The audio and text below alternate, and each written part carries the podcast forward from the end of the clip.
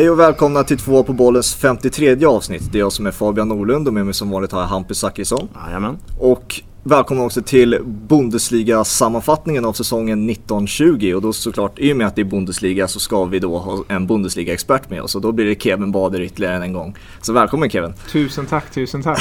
Eller välkommen säger jag, vi sitter i TV4-huset nu så att eh, sist hade vi dig på länk i och med att vi mm. det var en intensiva corona ja, coronaperioden och då, var, då fick du ha i princip karantän och jobba hemifrån. Men Stämmer. Innebär det här att det är lite mer fria tyglar nu eller? I och med att vi får sitta här. Ja, det är lite mer eh, friare under rätt ansvar. Vi håller ju coronaavstånd sinsemellan här yes. eh, i rummet. Så det, man måste fortfarande tänka på det men självfallet är det lite lättare nu än för ett par månader sedan. Om du till, blickar tillbaka på det då, hur har det varit att jobba sådär annorlunda. Vi har ju känt att det har varit lite annorlunda att ha haft alla intervjuer också på länk och på Skype. Det har ju varit annorlunda för oss. Men mm. hur har det känt för dig också? Segt. Ja. Väldigt tråkigt. Alltså inte få den här personliga kontakten varje dag och det där sociala livet som man annars har haft. Men um, man ska inte klaga Nej. om man säger så. Man kunde haft det värre. Ja, verkligen. I och med Bundes vi, vi ska snacka Bundesliga och eh, egentligen ta från eh, botten till toppen, gå igenom lag och så vidare, diskutera hur lagen har sett ut under säsongen. Men innan vi börjar så vill jag bara egentligen ta en parentes och snacka om en spelare som har varit i, inom eh, rubriker de senaste dagarna. Eh, har Bundesliga-kopplingar, en av mina favoritspelare genom tiderna, Arjen Robben. Oh, mm. eh, gör comeback. Tyckte det var jävligt onödigt att eh, han ens avslutade karriären när han var 35 eller vad fan det var. Ja. Eh, är det en personlig favorit hos dig också Kevin eller? Ja, alltså han tillsammans med Ribéry i hans glansdagar i Bayern München är ju en favoritspelare mm. på det sättet. Tycker det var väldigt synd som sagt att han var så skadedrabbad. Jag kan tänka mig om han inte hade varit så skadedrabbad hade man nog snackat om honom på ett helt annat sätt också. Mm. Eh, de höjderna han hade när han spelade som bäst. Mm. Varför avslutade han karriären för? Så som jag förstod det var det kroppen. Mm. Den, var, den var sliten, han hade gått igenom mycket skador. Och ja, han hade ju vunnit allt med Bayern München redan så han kände väl att det, det var dags och det skulle också komma in nya spelare i truppen. Känns ju potentiell flopp egentligen. Jag, jag, älskar ju Robin som sagt och jag vet att han, hur bra han är men det känns ju som att det kommer bli fem månader skador på honom. Det är ju vad jag känner rent ja, spontant. Han ska, väl, han ska väl bygga upp sin kropp nu under sommaren och mm. sen får vi väl se om det blir en comeback på ja. riktigt då. Eh, men det hade ju varit coolt att se honom i Eredivisie. Där görs det ju hur mycket mål som helst och han, mm. han har ju näsa för mål så att han borde ju kunna smälla in ett par bollar. Ja, det känns trots ju, hans ålder. Det känns ju som att det bara var häromdagen han smällde in två bollar på Sverige på Amsterdam mm. Arena. Och därefter bara la han av liksom när han ändå var på en hyfs, jävligt hög nivå. Eh, mm. så vi får se hur hög nivå han når och vi kanske ser ett drömmål från Holland. Jag vet inte, jag kollar inte så mycket Eredivisie men det kanske blir en del bollar ändå. Nej, det tror jag. Eh, men vi går över till Bundesliga då och vi börjar med, jag tycker vi börjar med Werder Bremen. Mm. Eh, de är ju nu på kvalplats och du tippade ju, det var en duell mellan Düsseldorf och eh, Werder Bremen och jag läste på din blogg att du tippade att Werder Bremen skulle ta den tredje sista platsen mm. där. Så nu ska de möta, vad, hej, Heidenheim. Så heter de ja. eh, varför, först och främst, varför trodde du att, att det var de för, som skulle sluta före Düsseldorf? De har på något sjukt sätt sån här överlevnadsinstinkt. Mm -hmm. Det är det laget som har spelat flest Bundesliga-matcher. De har varit kontinuerligt i Bundesliga sedan början av 80-talet. Mm. Och de har varit i den här sitsen flertals gånger de senaste åren att de har varit urusla på hösten och sen har de kommit igen på våren. Mm. I år har det bara varit så att de har varit riktigt dåliga hela vägen.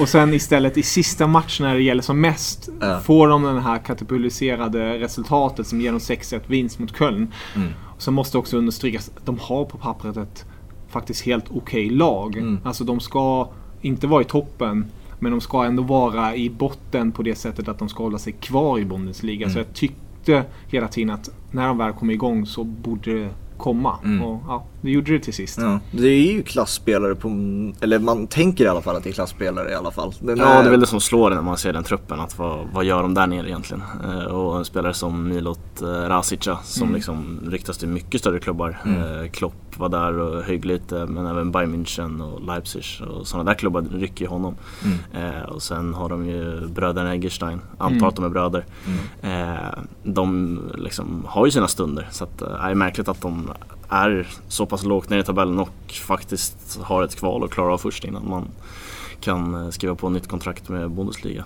Vil Vilka kniper den sista Bundesliga-platsen då? Vad tippar du Kevin? Jag har väldigt svårt att se att de ska tappa det här mot är Heidenheim. All respekt till Heidenheim. Det är ett lag som inte använder stora resurser.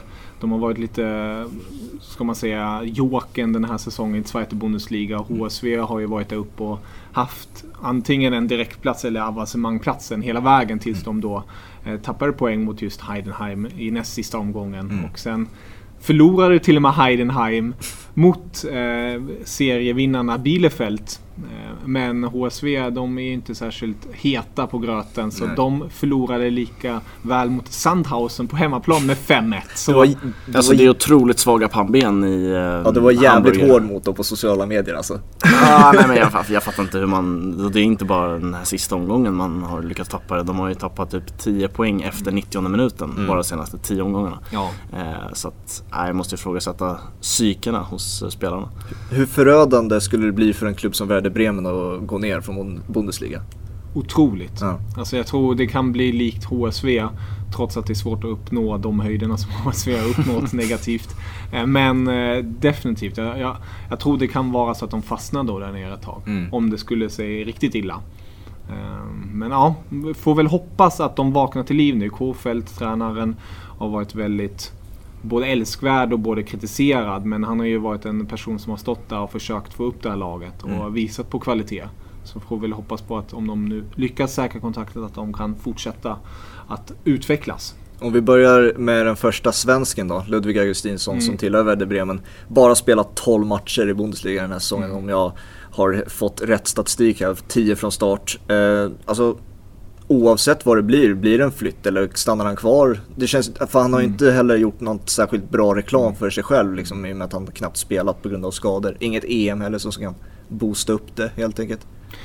Du är inne på någonting där, just med EM också. Jag kan tänka mig, om han hade spelat hela den här säsongen mm. och varit skadefri, då hade jag trott på en flytt. Mm. För att han är en av de mest stabila ytterbackarna i ligan. Uh, han är kanske inte den bästa, men han är definitivt inte den sämsta. Um, han hade kunnat gå till en klubb eh, som kämpas, uh, kämpar om en Europaplats.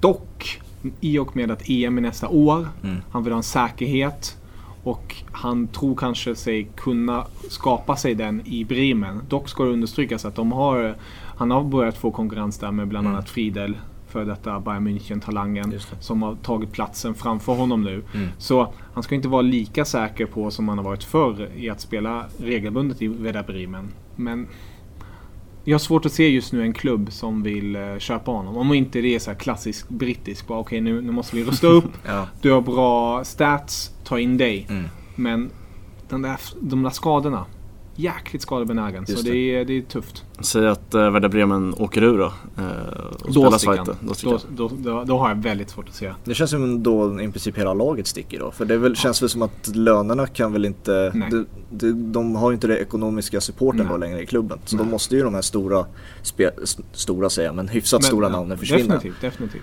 Uh, de andra två då, de som är direkt klara för uh, Zweite Bundesliga, mm. uh, Düsseldorf och Paderborn. Var det, det är ju alltid lätt att få nu i efterhand, tabellen ljuger ju inte, men är det rätt lag som åker ut? Vi kan ju, vi kan ju stöka av Paderborn rätt så snabbt. Alltså Paderborn, ja, mm. de skulle åka ner. Så det var, det fann, jag tror ingen tippade Paderborn högre än sista platsen. Nej, alltså okay. Det är ett lag som egentligen inte har något att göra i Bundesliga. Uh, har ett par sköna spelare som Mamba, en offensiv anfallare som uh, gjorde ett par snygga mål. Mm. Strelly Mamba gjorde bland annat, om jag inte helt ute och cyklar, mot Bayern München till och med. Mm. Uh, men nej, de har inget i Bundesliga nej. så det är lika bra att de åker ner. Mm. Fortuna Düsseldorf däremot. Um, jag tippar dem där nere. Mm. Um, jag tippar dem en av nedflyttningskandidaterna. Jag tycker Ove, tycker Ove Rössle har gjort det jäkligt bra. Mm. Har ju, han har ju stoppat det här själva förlust eh, sviten på det sättet. Men dock har han inte vunnit så mycket heller. Det har blivit mycket 0-0, 1-1. Mycket kryss mm. med tysken. Eh, men om jag hade fått välja mellan Fortuna Düsseldorf och Werder Bremen hade jag velat behålla Werder Bremen. Mm. Så jag tycker ändå att de två lag som åker ner, ja, mm. In. Innan säsongen drog igång, eh, du var inne på det. Hur tippade du de sista tre skulle sluta? Är det de här tre eller var det några andra lag? Mm, jag hade Augsburg också där nere om jag inte helt ute och cyklar. Mm. Jag hade även Union Berlin strax ovanför. Mm. Eh, men jag kommer komma med in Berlin senare. Eh, men det, det, här är i alla fall de kandidaterna. Bremen hade också tyckt skulle vara lite längre upp. Det var Augsburg, Fortuna, Paderborn. Glömmer jag någon nu? Nej, jag tror det är de kandidaterna hade där nere. Men för eh, Fortuna Düsseldorf så har jag ett sånt där moment där man känner att liksom, fan händer? Eh, nu åker de ur. Eh, och det var när de hade 2-0 ledning hemma mot Köln om jag inte helt missminner mig. Mm. Klockan tickar upp på 91 yes. och det är 2-0. Eh, tänker mig att det här löser de tre viktiga poäng. Eh, men lyckas släppa in två nickmål. Mm. Eh, och få 2-2 där bara. Eh, så att, ja, det var väl sådär ett moment där man kände att eh, så där kan man inte hålla på om man ska vara ett Bundesliga-lag nästa säsong. Nej men det är väl så, man måste ju förtjäna sin plats på något sätt. Om man inte kan hålla en ledning. Då är, det, är ju, det brukar ju vara så lag som åker ur är kända för. Att de tappar sin ledning, de lyckas aldrig ta de där viktiga tre poängen. Och det är väl därför det är rätt att de åker ut också. Ja. Um, om vi går vidare till uh, mittenklubbarna då. Vi kan ju börja med våra svenska lag då. Mm. Vi har uh, bland annat Robin Quaison och Sebastian Andersson i Union Berlin och i Mainz. Um, båda som var rätt svala efter corona, mm. av, uh, vad ska man kalla det, corona ja, comebacken. Ja. Ja, när de mm. kom tillbaka. finns det en specifik anledning till varför just de två inte, inte presterade på samma sätt som innan coronatiden? Jag skulle vilja säga Unions fall är det just hemma fansen mm. och mm. supporterskap man hade på hemmaplan och den borgen man hade där. Man vann ju bland annat mot Dortmund i höstas. Man har gjort det svårt för flera andra lag och just att inte ha det trycket. Mm. Den första matchen de hade efter återstarten var mot Bayern München. Mm. Och det är ju väldigt otacksamt. Eh, det var någon Union-support som klättrade upp i ett träd och tittade in på arenan eh, såg jag. Men eh, ja, det är jag tycker Union Berlin har gjort det jäkligt bra. Mm. Alltså de ska vara extremt nöjda. De är nya i Bundesliga och eh, de poäng de tog i höstas är imponerande. Mm. Eh, när man ser till Mainz tycker jag allmänt att det, det är inte det starkaste, stabilaste laget. Alltså ena sekunden kan de se riktigt vassa ut. Alltså inte så vassa att de ska slåss om en Champions League eller Europa League-plats men i alla fall vara där uppe i mitten och slåss ordentligt. Å andra sekunden kan de se ut som riktiga juniorer. Mm. Eh, så gör extremt konstiga misstag. Eh, de hade ju en match där bland annat mot RB Leipzig när de verkligen såg ut som småpojkar mm. jämfört med då Timo Werner och grabbarna. Mm. Och då är det ju frågan då som många säkert svenskar undrar som inte riktigt har koll på hur bra de här två spelarna är, mm. Quaison och Andersson. Är de på väg bort eller ska de stanna och vad är rådgivarna säger mm. egentligen? Jag skulle säga innan Corona, då hade jag sagt eh, Sebbe sticker. Mm.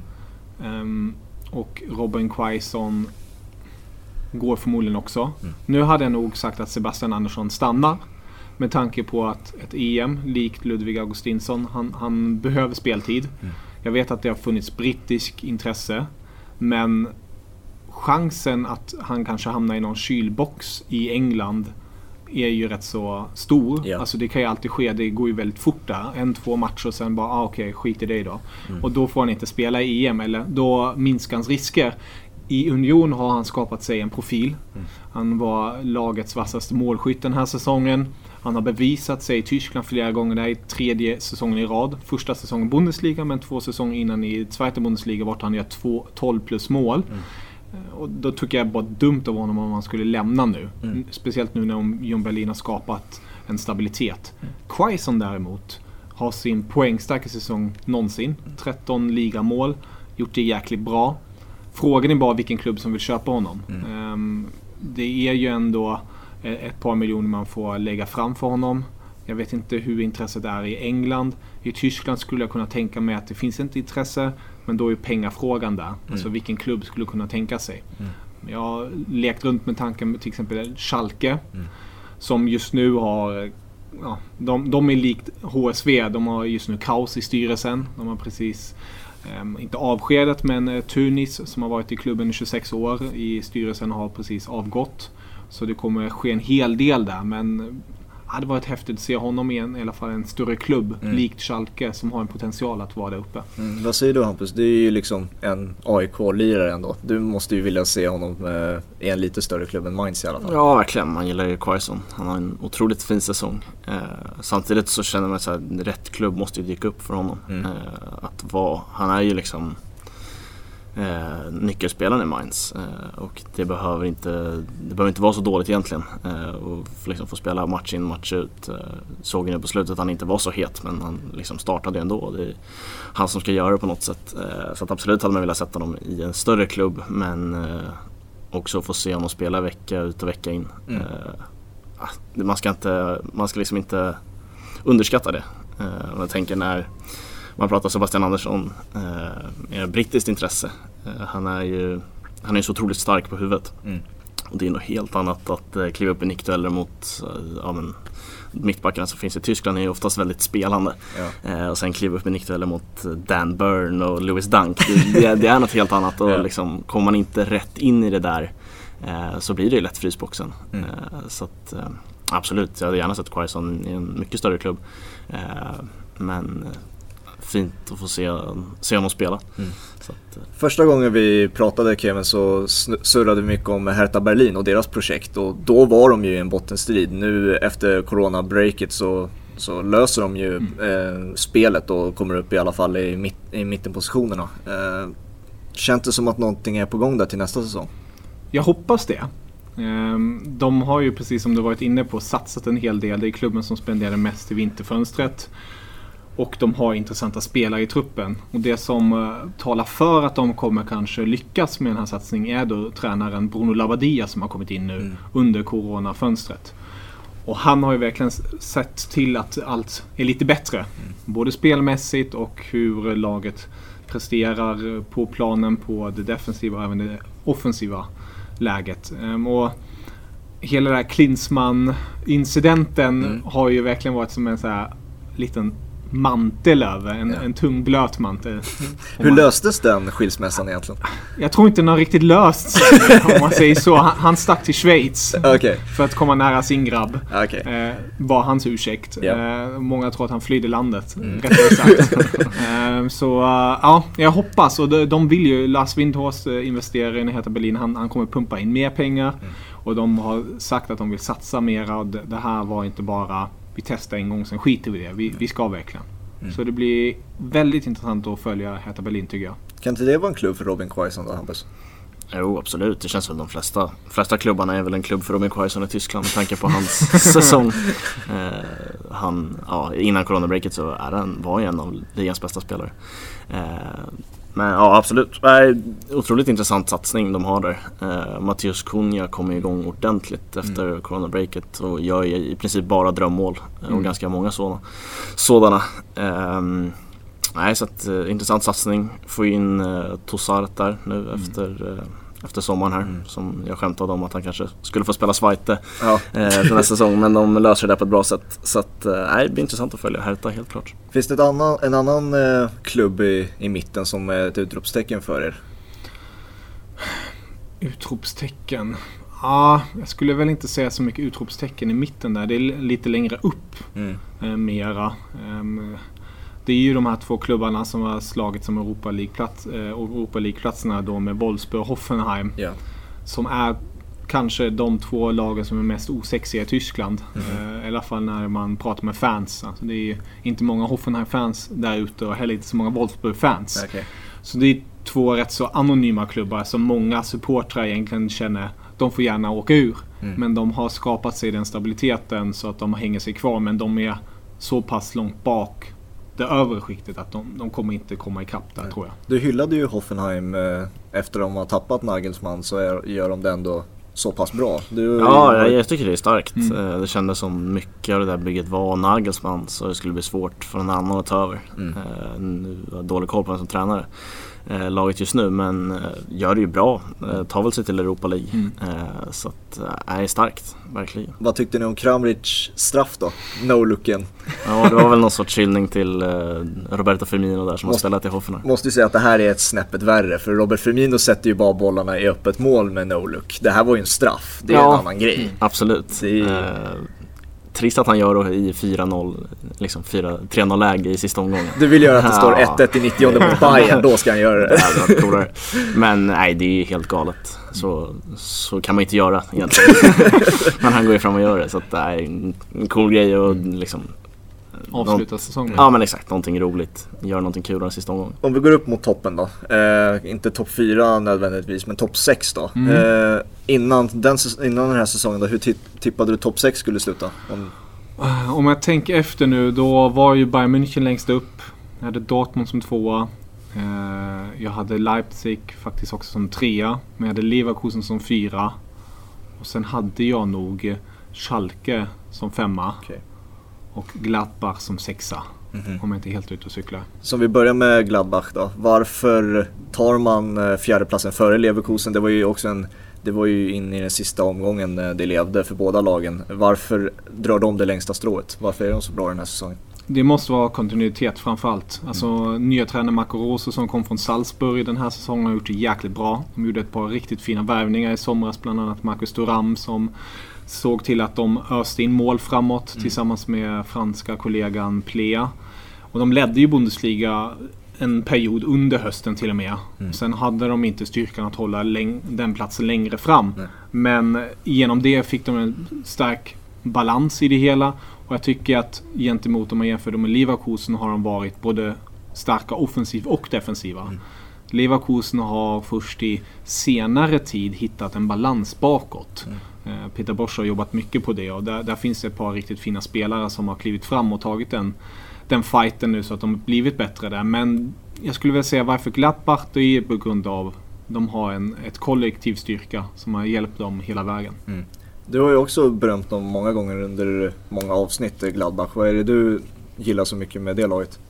Ja, det är väl framförallt på ganska individuell nivå. Eh, spelare som Plea, Marcus Thuram, eh, Eh, Benzebaini som vi pratade om senast när vi snackade transfers. Eh, så att jag tycker de har mycket, mycket spelare som gör det bra som jag inte egentligen hade några större förväntningar inför. Eh, inför säsongen men som har liksom överträffat mina förväntningar och Marcus Thuram känns inte som en spelare som blir kvar i Mönchengladbach speciellt länge. Och sen också att så här, hade, hade jag tippat en Bundesliga-tabell så hade väl Gladbach hamnat någonstans i mitten där för att jag har ingen, ingen vidare koll på dem egentligen. Nej. Så att de har verkligen imponerat och eh, som vi var inne på var de ju med i en toppstrid ett tag där i alla fall. Kan det vara en eh, konsekvens då eh, att eh, truppen köps upp nu i sommar? Jag tror att nu ska man inte säga att Corona är bra på något sätt. Eh, men för Gladbachs del kan det nog rädda dem rent av att man inte kan köpa upp till laget. Marcus Thuram är också skadad nu. Mm. Eh, om jag inte helt ute och cyklar opereras han. Så han kanske till och med inte är riktigt fit inför nästa säsong direkt. Okay. Och det då i sin tur vill kanske inte någon klubb ha. Så då, då, väntar de kanske en säsong till istället. Mm. Så jag tror ändå att Gladbach kommer kunna ha rätt så intakt lag. Eh, Zakaria var också en som spelare som många storklubbar ville ha. Skadade sig också nu mm. i slutet. Eh, så han kommer förmodligen också stanna i Gladbach. Så tur i oturen för Gladbach. Låter som taktiska skador här väldigt, väldigt taktiska skador. Kanske något strukturerat där uppe bland de högsta hönsen, man vet aldrig. Ja. Eh, vi klättrar upp en placering till då, RB Leipzig. Mm. Eh, väldigt eh, jag vet inte vad målsättningen längre är med Leipzig. För när de kom upp till Bundesliga och hotade till och med om mm. titeln där första säsongen så kände jag att eller det, det kändes som att det var en självklarhet att de skulle hota om titeln. Mm. Eh, att det var det projektet de hade.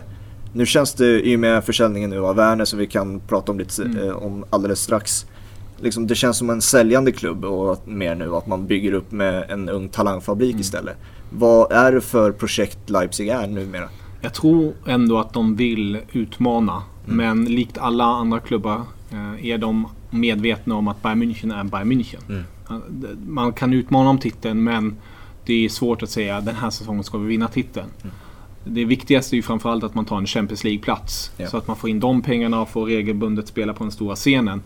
Och sedan vill de ju utveckla sin, eh, sin taktik med att få in de här unga lovande spelare som de har gjort nu. De har ju fått in flera. Nkunku är en sån spelare som jag verkligen har fallit för den här säsongen som kom från Frankrike då. Mm. Eh, som de fick för en billig peng och gjort det jäkligt bra. Mm. Så jag tror det kommer fortsätta där men självklart kommer de vilja försöka behålla Eh, stjärnspelare. Mm. Jag tycker ett starkt tecken är till exempel att de är på god väg. Att de, de fick Dani Olmo mm. som ryktades till flera toppklubbar i Europa, både i Italien och Spanien. Mm. Kanske inte Barcelona, Real Madrid-klass, men ändå bra klubbar. Men istället går han till Leipzig som kanske mm. inte ses som den sexigaste staden i Tyskland och gör det bra där. Kan det vara, de har ju pengarna, det har mm. de ju, RB Leipzig, men är det en situation som det kan vara som i Liverpool, att man köper en 30-40 miljoner pund spelare mm. och därifrån tar och försöker bygga upp eh, mm. spelarna och därifrån på något magiskt sätt lyckas springa iväg med titel som Liverpool har gjort om man lyckas träffa de där värvningarna hundraprocentigt. Definitivt. Alltså, de har ju en tränare i Julian Nagelsmann som vet vad han vill. Mm. Och det är också en styrka i sig. Det är många tränare jag tycker i Bundesliga vart det är så här Ja, alltså du, du har väl din idé men vad är det du vill sen i plan B eller C? Alltså vad, vad händer om inte det går igenom? Och med Julian Nagelsmann känns det som att han är en jäkla bibel hemma vart han vet exakt vilka steg han ska ta om något skulle knasa sig. Och det är också en styrka i sig. Oj, sorry. En styrka i sig att eh, Leipzig kommer bygga i längden och lyckas med det också. Nej men känslan är väl att även om det inte är den sexigaste staden så är det ju väl den sexigaste tränaren i ligan eh, rent spelmässigt så. så jag kan tänka mig jag tror till och med att han har blivit utsedd som den sexigaste tränaren. det är någon tysk eh, skvallertidning men ja. ja. Fy fan. Men att liksom, en sån spelare som Dani Olmo kanske vill spela för Nagelsmann också. Mm. Eh, mer än vad han kanske vill spela för eh, Red Bull Leipzig. Bra eller Rasenballsport Leipzig som de heter. Mm. Eh, så att jag tror Nagelsmann är en stor dragningskraft. Eh, och då är ju då som stora frågan, det är var kan han ta vägen någon annanstans eller stannar han i Leipzig? Alltså på samma sätt som en spelare är han väldigt attraktiv som tränare. Liksom ett vad bra projekt han alltid skapar sig mm. till. Vad, det kan man väl lika gärna göra i en toppklubb ute i Europa.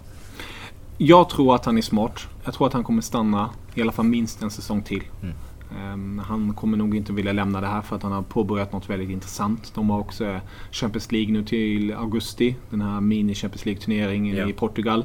Som jag tänker mig, de kan verkligen vara en dark horse. Nu tror jag inte de kommer vinna allt, men de kan verkligen vara där uppe och slåss. Samtidigt ser jag inte någon klubb, stor klubb som... Um, självklart söker man alltid efter en bra tränare, men som är desperat få in. Vad vet jag nu, kanske Barcelona som uh, ses sig kicka sin tränare nu, men nej. Jag tror Nagelsmann stannar en säsong till. Och han är ju ung. Det är ju mm. det som är det sjuka. Exakt. Han är ju vad är han, 32, 33 plus. Mm. Ja, han är ehm, otroligt ung. Alltså. Ja, det, är, det är sjukt. Han, han, kom, han kommer ju kunna hålla på när man själv har gått i pension och då är han typ 50 eller? Ja, exakt. Men eh, på tal om Dark Horse tar eh, på tal om Dark Horse eh, med Leipzig då i Champions League. En kanske anledning till att de inte går hela vägen är försäljningen av Werner för han ska ju inte spela längre i Leipzig. Eh, mm. Hur såg du på den övergången? Det har ju snackats om Liverpool i nästan ett år och så helt plötsligt blir det en utsväng och Chelsea och London. Mm. Eh, varf, är det rätt beslut först och främst av Werner att gå till Chelsea? Jag blev chockad när jag såg att det blev, eh, när Chelsea-ryktena kom fram och också av de källorna. Eh, då tänkte jag, vad är det som händer? Mm. Men mer och mer grubblade på det hela kände jag att fan det här är bättre än Liverpool. Mm. För hans del. I Liverpool skulle han ju definitivt inte få en startplats. Han skulle roteras. Jag tror Liverpool skulle må bra av det, men jag tror personligen att Werner inte skulle må bäst av det. Nej. I Chelsea, med det man har hört, vill Lampard verkligen satsa på honom. Och han kommer få spela regelbundet. Frågan är bara vilken position han kommer få spela. Mm. Det är där jag är lite tveksam. Eh, men jag tycker ändå i slutändan att det här kanske var till och med det bästa valet han kunde ha gjort. Vad är den positionen han ska spela då? Jag skulle vilja se att Chelsea går över till en form av 4-4-2 uppställning. Jag vet att um, Lampard har varit förtjust i en 4-3-3 eller 4-5-1 uppställning lite mer på det sättet. Mm. Men att man har två anfallare i Abraham och i Werner. Mm. Att det blir likt det han har gjort i Leipzig. Alltså Paulsen, den stora, stadiga, nickstarka. Då blir det Abraham i Chelsea och sen Werner då som mm. hugger på djupet. Faller lite mer som en släpande anfallare sen Mm. Gör man de här fina löpningarna och sen kommer han förbi. Det som talar emot det är att man ska få in en Ziyech i den där startelvan också. Sen en Pulisic. Eh, ja. Och sen, jag vet inte vilka fler yttrar, Hudson och Doy och alltså, Abraham ska sitta ja, på bänken De börjar också. få otroligt bred trupp Chelsea. Mm. Eh, just med tanke på att de tvingades föryngra eh, med det transferförbudet de fick. Eh, och med den föryngringen så har det kommit mycket bra spelare ur det liksom. Mm. Mason Mount känns som en spelare som liksom bara måste starta. och Reece James kommer också så att det, äh, de har ju fått en bred trupp utan att värva egentligen. Mm. Jag är lite rädd för Werner och hans utveckling dock i Chelsea. För endast bara för att jag kommer att tänka på Morata och att den påminner så mycket om eh, Alltså den övergången på, påminner så mycket om den. Att, så lovande ung talang. Nu, nu rankar jag faktiskt Werner högre än vad Morata var när han kom till Chelsea. Men risken finns ju där, en större klubb och mm. den där enorma pressen. För han kommer ju vara den mest Alltså den forwarden man kommer titta, slänga alla sina blickar på när Chelsea mm. spelar. Och då är ju risken att han, om man pallar det trycket, jag vet inte, mm. gör han det? Har han det psyket? Jag hoppas det. Eh, det har ju snackats mycket om hans psyke och sånt men jag tycker ändå att han har levt upp till något helt annat. Han har lärt sig en hel del under den här säsongen under Julian Nagelsmann. Han har hittat sig själv. Det låter väldigt klyschigt men det mm. känns verkligen som det. För han, han har gjort 28 ligamål. Ingen tysk anfallare har gjort det om jag inte helt ute och cyklar sedan 70-talet.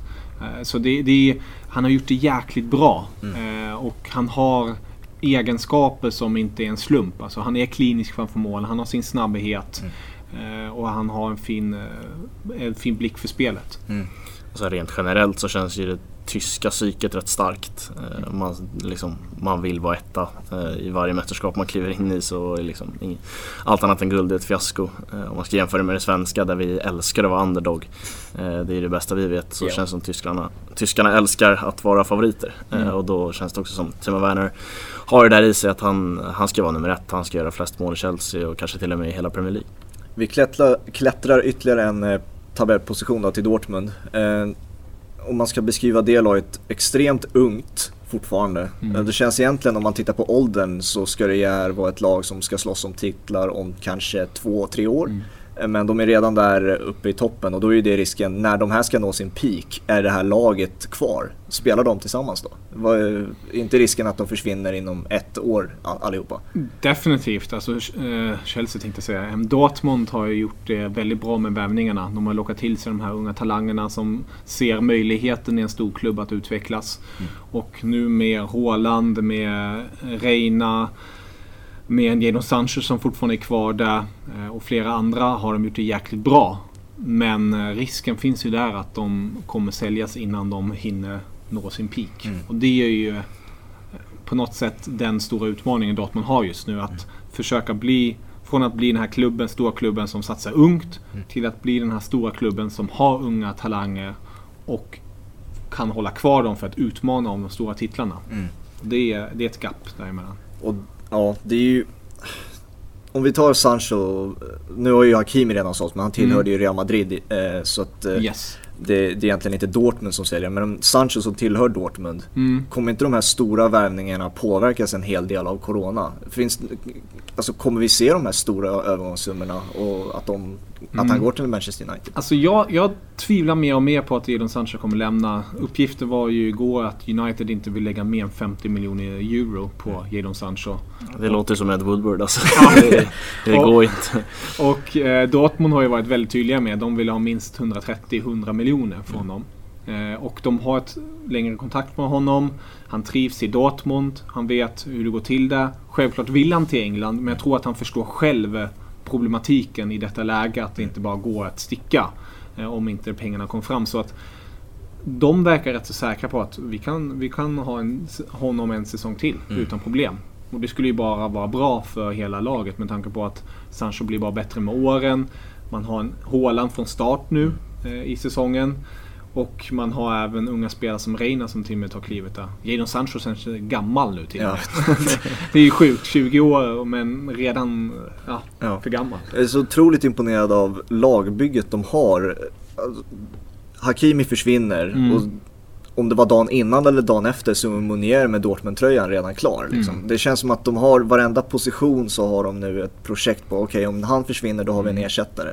Precis. Och det är, få lag som har den här tydliga liksom, strukturen. Man, mm. har, vi har ju tjatat om hur många Premier League-klubbar som helst Hampus. Att det, utöver kanske City och Liverpool så kommer man kolla Manchester United. Så här, vad, vilka vilka vad tillhör alla spelare för position? Rashford, Martial och alla spelar på vänsterkanten men de har ingen högerkant. Det är liksom, det är otroligt imponerande att se eh, en struktur som man ser verkligen går från botten till toppen. Alla vet vad de gör. Och det är väl därför Dortmund funkar också. Ja, alltså känslan är att Watzke och Sorg har liksom full kontroll på vad de pysslar med mm. och har haft det ett bra tag nu. Eh, den enda positionen jag tvivlar kring är väl egentligen tränarposten. Mm. Eh, det känns som Dortmund når exakt dit de ska eh, och liksom inte överträffar sig själva. Vilket man behöver göra om man ska slå ner Bayern München från sin tron. Ja. Så att liksom, även fast det kanske inte är att man kanske inte har tillräckligt mycket argument för att sparka Favre så kanske man behöver ta det tuffa beslutet och göra det ändå. Mm. Om man har en bra ersättare. Men finns det? Eh, finns det en annan tränare som kan ta, ta jobbet och faktiskt konkurrera rejält med Bayern München? Finns den tränaren tillgänglig? Det är ju det som är problemet. Precis som du är inne på här. Alltså det är, jag tycker att Favre, jag tycker han mentalt, han håller inte. Nej. Nu har han gjort ett jävligt starkt poäng eh, snitt med Dortmund. Rekord om jag inte helt ute. Eh, men han håller inte. Han har visat det år efter år att när pressen väl kommer då fallerar han. Och till exempel den här sista matchen mot Hoffenheim. Jag vet, det spelar ju ingen roll för Dortmund egentligen. Nej. Men att man förlorar med 4-0 mot Hoffenheim. Mm. Jag tycker det är pinsamt. Om det hade varit Bayern München. Alltså, då hade du sett Oliver Kahn springa ut på planen och fiska alla spelare. Alltså, det, det, är också, det är just där skillnaden är på Dortmund och Bayern. Alltså det, det spelar ingen roll om det är en träningsmatch på någon grusplan eller mm. om det är superviktig Champions League-plats. Mm. Man har sådana vinnarskallar i laget som vill alltid vinna. Mm. Och Dortmund har inte det på samma sätt. De har ett par stycken som är väldigt duktiga på den fronten. Alltså Hummels, Emre Can. Eh, som ska vara där och leda dem. Men de behöver också en tränare som piskar till dem. Mm. Men Favre är för... Eh, ja. Vad är det för typ av tränare då Dortmund behöver? Är det en Mourinho-typ eller är det en mer alltså, Pochettino-typ eller vad, vad är det du kan identifiera som gör, okej okay, det, här, det här projektet skulle göra så att de blir jämsides med Bayern? Jag skulle ju vilja se Julian Nagelsmann där. Det är, mm. jag tror det är en av deras stora tapp. Att de inte lyckades få honom innan eh, Leipzig. Mm. För att Favre har gjort det bra, offensiv, sprudlande fotboll. Men ofta ser man också problematiken i försvarsspelet. Det, det fallerar när de möter bättre motstånd. Och han har ingen riktig spelidé egentligen tycker jag. Det blir på något sätt så här, sista tredjedelen, okej. Okay, ni offensiva, kreativa lirare, gör lite vad ni vill. Ja. Det är positivt på ett sätt. Jadon Sancho är kreativ, han vågar ta för sig. Då gör han det. Men med Julian Nagelsmann skulle man då få mer en, en balans, en grund som man kan stå på. Mm. Och bygga vidare också. Och det, ja, Pochettino som du nämner hade varit coolt, men där tänker jag också lite det jag tror ändå att man behöver en, en tysk tränare, mm. helst. Mm. Eh, det är alltid det här med språk och sånt. Det, det skulle behövas. Mm. Wenger kanske, vem vet? Han kan ju tyska. Den hade varit fin. Det hade varit jävligt häftigt. Se om han bara kommer tillbaka. Har du någonting på Dortmund? Ja, det är väl Pochettino som kittlar. Jag tror att eh, Dortmund hade kunnat göra Pochettino till en vinnare. Mm. Eh, men väldigt svårt att se det hända. Eh, såg att hans grabb skrev på nytt kontrakt med Tottenham. Eh, så jag kan väl tänka mig att de blir kvar, kvar i England. Mm. Eh, så det är svårt att se det hända. Men eh, jag hade velat se Dortmund med en annan tränare än Favre. Ska vi gå vidare till mästarna då? Bayern München. Mm. Eh, åttonde raka Bundesliga-titeln nu. Lite tjatigt kanske? alltså det Ja, det kan, man, det kan man väl säga. Men jag tycker ändå det är imponerande om man vinklar bort det. Bara för att ge ännu större perspektiv. Bundesliga som det har funnits har funnits sedan 1963. Eh, mm. Bayern München har vunnit 29. Resten av klubbarna har vunnit 28. Så de har vunnit fler Bundesliga-titlar än alla andra klubbar tillsammans.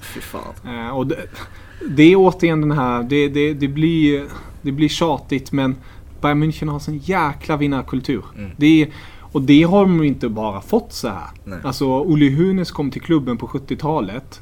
Sen slutet 70-talet eh, klev han in i styrelsen.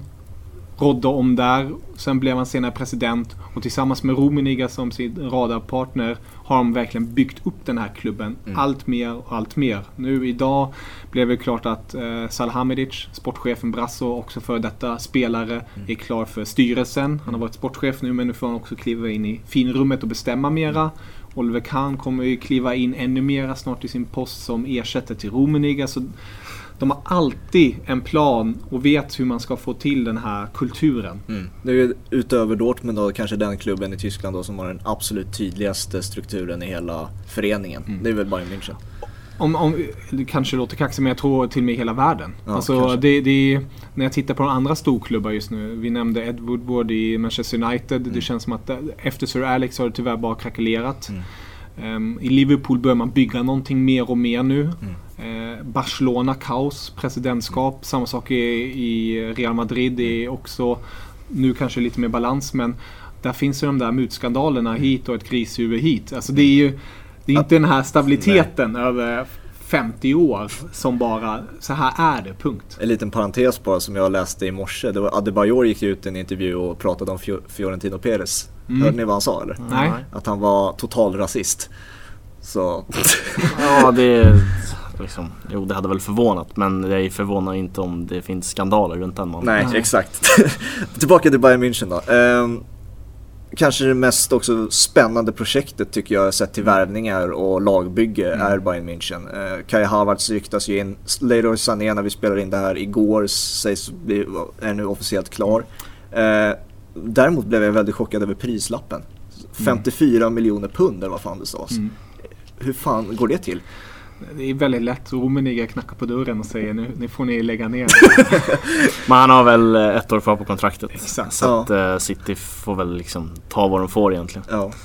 De fattar att eh, de, de kan försöka spela det hårda spelet och mm. vänta till en... För, för Tyskland har ju transferfönster fram till den 5 oktober. Mm. Så de skulle lätt, de sa till och med vi kan vänta till januari och ta honom på free transfer. Det är lugnt. ja. det är ingen stress. Och då fattar de väl bara okej, okay, de kommer inte ge sig. Är ryktena, stämmer de ryktena att det är två år nu som Bayern München har tjatat på City om att få Leroy Sané? Det är inte bara ett år utan projektet har varit två år. Ja, det har varit länge. Ja. Jag vet inte exakt om det är två år men jag vet i alla fall att det var redan slutet på förra säsongen mm. var det ju redan igång väldigt länge. Man snackade om honom när han spelade i Schalke till och med. Mm. Och att det är en spelare som man hade gärna velat få in men jag tror att, att hans tid i City också har varit bra. Mm. För, för både honom och för Bayern München i längden. Alltså Bayern München lyckas ju rensa liksom hela Tyskland på talang. Ja. Oavsett om spelaren tar liksom en detour till Manchester City i några år så lyckas han ju ändå hamna i Bayern München. Eh, de får in eh, Nybel från Schalke. Mm. Eh, så det är också den dominansen att man tillåter inte lag att ens komma nära för att man tar deras bästa spelare. Nu var det också en PSG-talang som blev klar. Han har mm. varit klar i några veckor nu. Vad mm. hette han nu igen? Ursäkta uttalet, det är Kusai... Ah, jag kan inte uttala det. Nej, jag har så dålig koll alltså. uttal Är det mittback på honom eller? Det är mittback på honom. Mm. Eh, där var det också mycket snack. Eh, från PSG-håll vet jag att fansen var väldigt arga. Bara vad fan, mm. du har fostrats här och nu, nu sticker du för att sitta på bänk i München. Mm. Och, ja, det varit mycket där men jag kan tänka mig att det är rätt så tilltalande att komma till München. Det är många fransmän där. Vi har Koman som tidigare spelade där. Vi har Lucas Hernandez också. Vi har haft Sagnol, Lisserassou, Frank Ribéry. Så mm. det finns en koppling med de franska spelarna i mm. München. Det, och så ryktas ju spelare ut. Thiago har nu ryktats mm. till Liverpool bland annat. Mm. Eh, är ju en favorit hos mig och dig, mm. eh, Thiago och Kevin. Eh, varför ska han försvinna? Han, till, han tycker fortfarande att han håller för en Bundesliga mittfält och Bayern München mittfält. Alltså, om jag säger så här rent objektivt tycker jag att han är, om inte den bästa spelaren på just det han gör. Mm. Alltså centralt mittfält, kreativ, kreatör, playmaker, mm. kvick, snabb, bra fot, bra skott. Han har allt. Ja. Men i det Hansi Flick bygger upp nu mm tror jag ändå att Bayern har råd att släppa honom. Det låter galet att släppa en grym spelare men om man tänker ett par steg framåt. Släpper man honom nu då kan man ha plats för kanske en Kai Havertz mm. om en säsong. Man får plats då med andra spelare som kan komma in där. För behåller man honom så ska han ju också spela. Mm. Och Goretzka och Kimmich har visat att de har gjort det jävligt bra. Yeah. Goretzka är inte alls samma spelartyp som Thiago. Men det sättet som Hansi Flick vill spela på fungerar det. Så mm. då tycker jag ändå, får de ett bra bud, släpp. Kommer vi få se Kai Havertz då i Bayern? Ja, först och främst är min känsla att Thiago bara vill ha några extra några extra, peng, eller några extra kronor in på, in på kontot på det där nya kontraktet. Eh, och det är väl därför liksom, de, han och hans agent har startat det här med att han ska lämna. Eh, jag tror att han blir kvar i Bayern München faktiskt. Eh, men ja, Havertz hamnar väl i Bayern München, absolut. För det är väl samma frågeställning då som det är med Sancho om han lämnar Dortmund. Kommer mm. Kai Havertz Kommer Bayern München ha råd att få in eh, Kai Havertz? Enligt uppgiften nu sägs det ju att Bayern München inte kommer gå på Kai Havertz den här sommaren. Okay. De kommer vänta till nästa sommar. Mm. Då kanske det blir en deal nu att vi köper honom, eh, lägger liten peng nu, mm. han får vara hos er och sen kommer nästa år. Eller att de säger bara vi knackar på nästa säsong. Mm. Så kaxiga är ju Bayern München. Det är det som är sjuka med dem, att de, ja. de kan ju ändå göra det i vissa fall. Um, och med tanke på att Bayern Leverkusen inte kom in i Champions League nu. Mm. Han har ju sagt själv att han vill ta ett beslut i augusti senast. Eh, oavsett om det är att jag sticker i sommar eller nästa sommar. Jag vill veta vad som händer. Mm. Och det tror jag ändå är eh, en, en dörr till att det kommer ske någonting. Speciellt nu när det inte blir något CL-spel för hans del. Och där tycker jag att United borde kliva in. Om de bara vill lägga... Där är grejen dock. Leverkusen vill också ha 100 miljoner mm. från dem. Men jag tror att det blir lättare att kanske pruta eller fixa någon form av bonussystem. Ja. Än med Jadon Sancho vart Dortmund är lite starkare. Mm. En annan spelare som inte alls ryktas till Bayern München men som jag vill se i en annan klubb och i Bayern München. För att det ryktades om honom dit för några år sedan vet jag. Eh, som vi har skämtat om på sociala medier. Jag bygger upp det här nu märker jag. Mesut Özil. Nej men inte Bayern München. Lugn alltså. oj, oj. Från en vänsterfot till en annan vill jag se Mesut Özil spela Nej, i Bayern München. Nej, han, han, alltså jag, jag kan tänka mig en, gal, en av de galna, galnaste vävningarna, men ändå inte så galen när man tänker efter, är att Mesut Özil skulle gå till Hertha Berlin. Han mm. går dit, han blir deras stora stjärna, mm. han får en rätt så bra paycheck. Kevin Prince Boateng ansluter lite senare. Mm de har det härligt och trevligt i Berlin. Det kan jag se, men ja. München, nej. Varför är det sånt tok-nej på honom? Alltså jag såg ju någon, det... någon expert häromdagen som sa att Mesut Özil är världens sämsta fotbollsspelare utan boll. Men det är Paul Merson. Ja, men bara... när jag läser det så känner jag så här, ja. Jag, jag hittar ingen sämre spelare utan boll. jag har liksom tappat allt Mesut Özil. För att Messi och eh, Ronaldo är ju fantastiska utan boll, eller? Hur mycket lyckas... försvarsspel gör de? Nej, det behöver inte vara försvarsspelare, men att man liksom är rätt i position och hittar, hittar rätt in i matchen. Eh, det gör inte Mesut Özil. Eh, och sen liksom, nej Mesut Özil är inte alls på den nivån Bayern München vill vara på. Eh, det är, menta det är mentala delen också. Är, ja, verkligen. Det funkar tyvärr inte. Han, han, skulle, han, han behöver vara i en klubb vart han hela tiden prisas som stjärnan. Mm. Och det skulle han inte göra i Bayern. Nej. Det är det som är problemet. Schalke då? Det hade varit häftigt. Eh, komma tillbaka till Schalke när de håller på att fallera och sen ta upp dem. Det, ja, why not? Werder Bremen, där tillhörde han ju också. Ja, det stämmer. Men eh, vi rörde vid hans namn också, Goretzka. Mm. Kanske den mest imponerande transformation under hela corona-breaket. Vad är det som har hänt med hans kropp? Han har ju gymmat, ja. minst sagt. Ja. Var det en uppgift han fick av Frick att han skulle, ja men bygg på det lite nu eller? Han, han snackade kanske lite med Lewandowski och frågade ja, hur, hur, hur, gör man? Hur gör man bättre? Och då sa han gym. För det var en jävla tank han blev ja. på mittfältet. Det var ju nästan spelstilen som förändrades på honom alltså. Han, han blev mer den typen jag hade hoppats på att han skulle bli. Lite så här jag vet att jag drar ofta parallell till honom, men Michael Ballack-typen. Mm. Jag tycker Goretzka är betydligt mer rörligare i spelet. Men alltså, han är stor, stark, vinner mycket dueller. Det var någonting han inte gjorde förut. På samma sätt, han, han var tekniskt duktig. Mm. Men det var mycket 50-50. Där förlorade han, där förlorade han, där vann han. Men nu är det... Mm. Han tar den. Ja. Om vi stannar kvar lite vid Corona en stund då och fokuserar på det. Eh, Tyskland och Bundesliga drog ju igång eh, efter breaket mm. eh, snabbast av alla. Vilket mm. gör också nu att det de, är, de har avslutat säsongen först av alla, vilket är lite trist, mm. men vad fan. Eh, varför blev det Bundesliga som startade först? Nu, nu kanske jag blir lite subjektiv här på grund av att jag är tysk eh, och vill framhylla, framhålla tyskarna på ett Kör. bra sätt. Men eh, det är väl eh, lite klyschigt nog strukturen, organisationen. Både ligaförbundet, eh, politikerna och klubbarna var rätt så snabbt eniga. Mm i alla fall klubbarna och ligaförbundet. Vi vet hur vi vill göra, vi vill fortsätta punkt slut. Mm. Jämfört då med La Liga, Serie A och Premier League vart det var Nej men jag vill inte spela där, nej men jag vill inte spela här. De var snabba eniga med att vi ska lösa det här på bästa möjliga sätt. Mm. Uh, och det gjorde de också. Och gjorde så att kaxigt nog, de ledde resterande fotbollsvärlden mm. till att man kan göra det på det här sättet just nu. Ja, de visade ju alla hur det ska gå till nu ja. efter, eh, efter Corona och allting. Mm. Jag menar, det kändes också under tiden i alla fall, vi var ju inne på det tidigare, eller senare sen att um, att det blev liksom trist efter ett tag, speciellt efter Bayern Dortmund där, att mm. ligan var liksom över där kändes som, i alla fall i eh, toppstriden. Men det kändes ändå med tiden att det var rätt liga som drog igång. Mm. Ja, verkligen. Jag kan bara hålla med Kevin om att det, det, det är liksom strukturen som är avgörande. Liksom hade Italien gått första ledet så hade det här blivit det hade blivit roligare. För det hade varit totalt kaos. Eh, så att nej, strukturen i Tyskland... Det hade blivit en, en första riktig omgång. Nej, exakt. Tvungen att avbryta det här nu. Så att, uh, nej, strukturen är imponerande och ja, måste ju någonstans liksom ge en eloge till Tyskland att de löste det så bra som de gjorde. Hur kommer det gå för dig nu då när Bundesliga är över? Vad ska du foka på nu då? Nej, först är det DFB-pokal eh, som ska spelas men eh, det kommer bli mycket silly. Ja. Eh, på den tyska fronten kommer hända en hel del tror jag ändå trots Corona.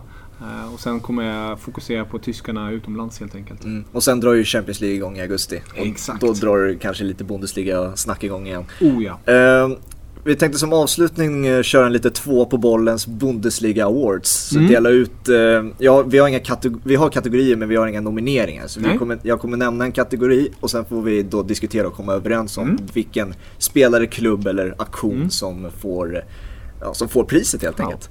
Eh, och jag tänkte vi börjar med årets överraskning. Eh, och det är ju det kan vi tolka hur som helst egentligen. Mm. Om det är en spelare som har överraskat er, en klubb som har chockat eller mm. något sånt där. Vem vill börja? Ah, kör du Kevin, jag står helt stilla. Jag skulle säga årets överraskning skulle jag ändå ta Union Berlin. Mm. Jag tror att när jag tittade på tips hos många då såg jag dem där nere mm. slåss om överlevnad. Nu var de ju självklart inte så säkra på att äh, säkra kontraktet. Det tog lite lång tid men de var ändå cirka 8 poäng ifrån en Europaplats. Eh, de gjorde det jävligt bra under hela hösten. Och, ja, jag, blev chockad över att de gjorde det så bra. Så mm. jag tycker ändå att det blir en form av överraskning. Mm. Och min är en spelare, Alfonso Davis. Mm. Eh, först och främst visste inte ens att han kunde spela vänsterback. Men sen när han gör det så är han ju, vad säger man nu, topp tre vänsterbackar i världen. Det är ja. ju vem som diskuteras. Ja, hans avslutning liksom lovar ju mer och absolut, han är ju redan där uppe. Så absolut. Ja kan, kanadensare kan spela fotboll. Bara en sån sak. ja. De har väl någon annan stor Jonathan talang. Davis. Exakt, Jonathan mm. David. Ja. Eh, men eh, ja, båda är ju fullgoda överraskningar. Union Berlin och eh, Alfonso Davis har, har ingen egen nominering riktigt. Nej, då, får du, då får du bestämma vilken ja, som vinner då. men då ger jag den faktiskt till Union Berlin. För att eh, jag hade liksom inga förväntningar på dem och det var ju en skräll att de egentligen gick upp till och med. Mm. Eh, och eh, deras arena var ju var ju absolut den sjukaste att se eh, utan publik i och med att det finns ju knappt sittplatser på den. Mm. Eh, så att, eh, jag är otroligt imponerad av deras säsong. Eh, liksom, hade, det var väl bara Sebastian Andersson jag kunde namnet på inför. Mm. Eh, möjligen även Subotic också. Eh, så att, nej, stor överraskning för, för oss alla tror jag. Och därför vinner de två på bålens årets överraskning. Så mm. över till årets flopp då. Eh, också här, lag, spelare, vad det nu är. Jag kan ju börja då. Om det hade varit innan coronabreaket hade jag nog valt Hertha Berlin. Mm. Eh, men eh, jag tror det får landa ändå på Werder Bremen. Eh, för att jag trodde i alla fall att de skulle hamna lite mer i mittenskiktet än att sluta tredje sist. Men jag håller på dem som du gör Kevin. Mm. Jag vill att de ska stanna i Bundesliga så det, min röst går på dem. Jag röstar på en annan klubb. Men bra, bra, bra kandidat. Men jag röstar faktiskt på Schalke. Mm. De har nu 16 raka matcher utan vinst. Eh, sen de vann senast och de har eh, fallerat på alla sätt och vis. Mm. Och klubben är... Ja, om säsongen hade pågått vidare så här då hade nog Düsseldorf och Werder Bremen inte... Då hade Düsseldorf fått eh, kvalplatsen. Werder Bremen hade fått nytt kontrakt och Schalke hade åkt alltså de, tar, de tar ju tre poäng efter uh, coronauppehållet. Det blir tre kryss tror jag. Det är ja. torsk. Så att, uh, totalt katastrof. Uh, de har ju ännu bättre spelare än Werder Bremen. Mm. Då vet vi redan nästa säsong då. Schalke åker ut. ah, vet aldrig. Bygger nog om där. Men uh, min... Det är flopp vi är inne på. Ja. Min flopp blir väl en person och det blir väl Klinsmann då. Att mm. han kliver in där med liksom satsande Hertha Berlin och eh, skulle få den där skutan på rätt, eh, rätt håll igen. Eh, gick ju åt helvete, rent ut sagt. Han torskar hela tyska folket. Ja men exakt, så att, nej, den blir väl min nominering.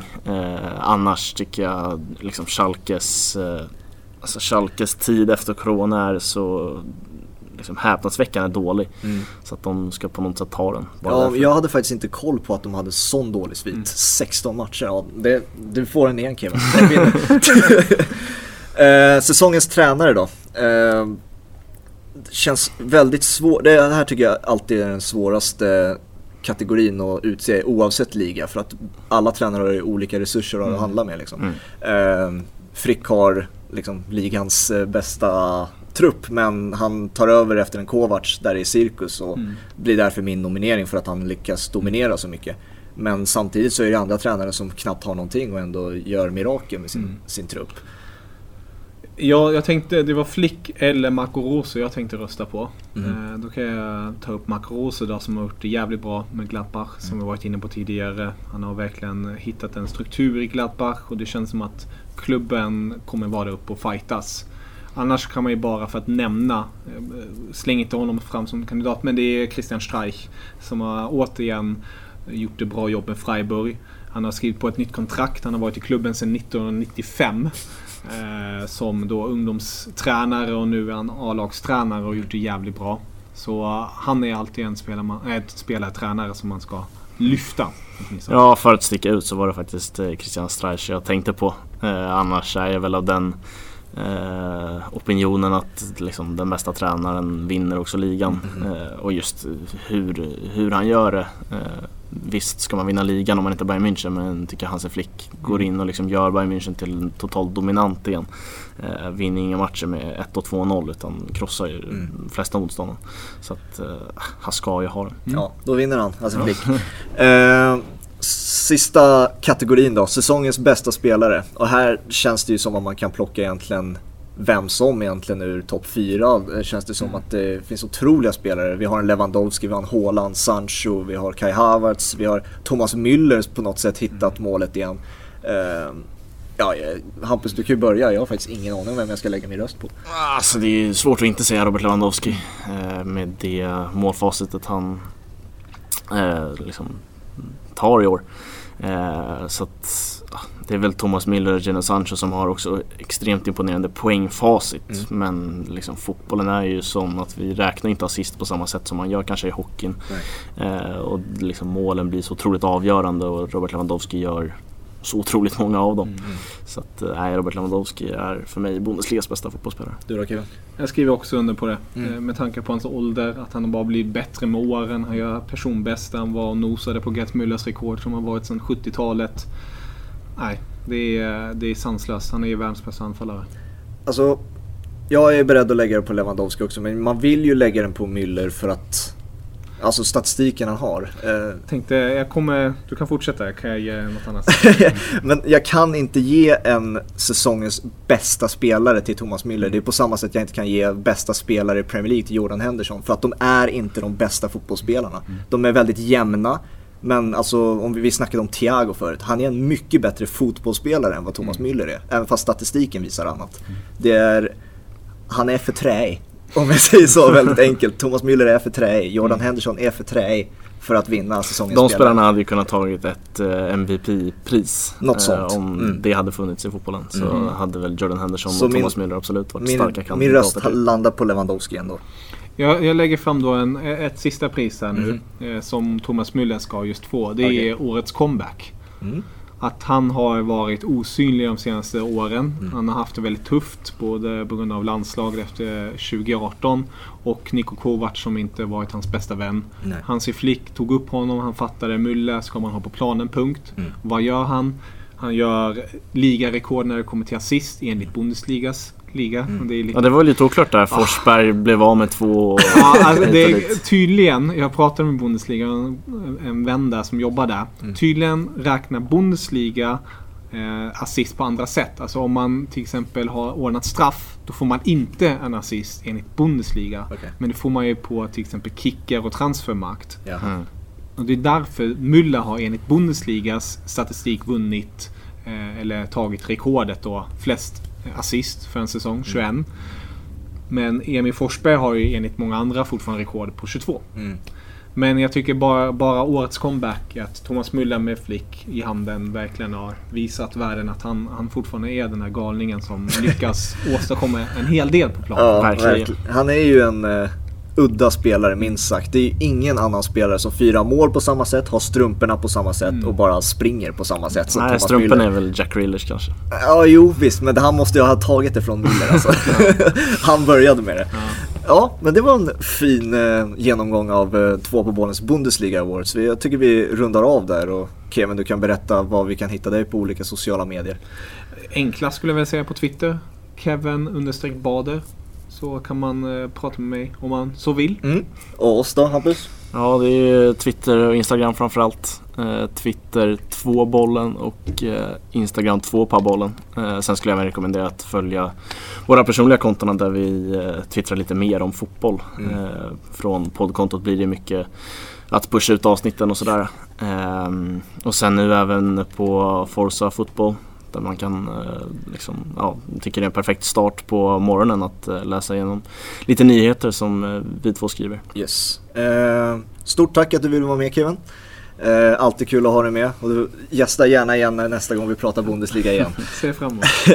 eh, Niklas Holmgren gästar nästa vecka, så se fram emot det. Mm, får gärna skicka in lite frågor och uh, funderingar som vi tar med oss till honom. Mm. Via vår mail kanske, tvåpabollen gmail.com eller uh, så funkar det lika bra på Twitter och Instagram, DM där.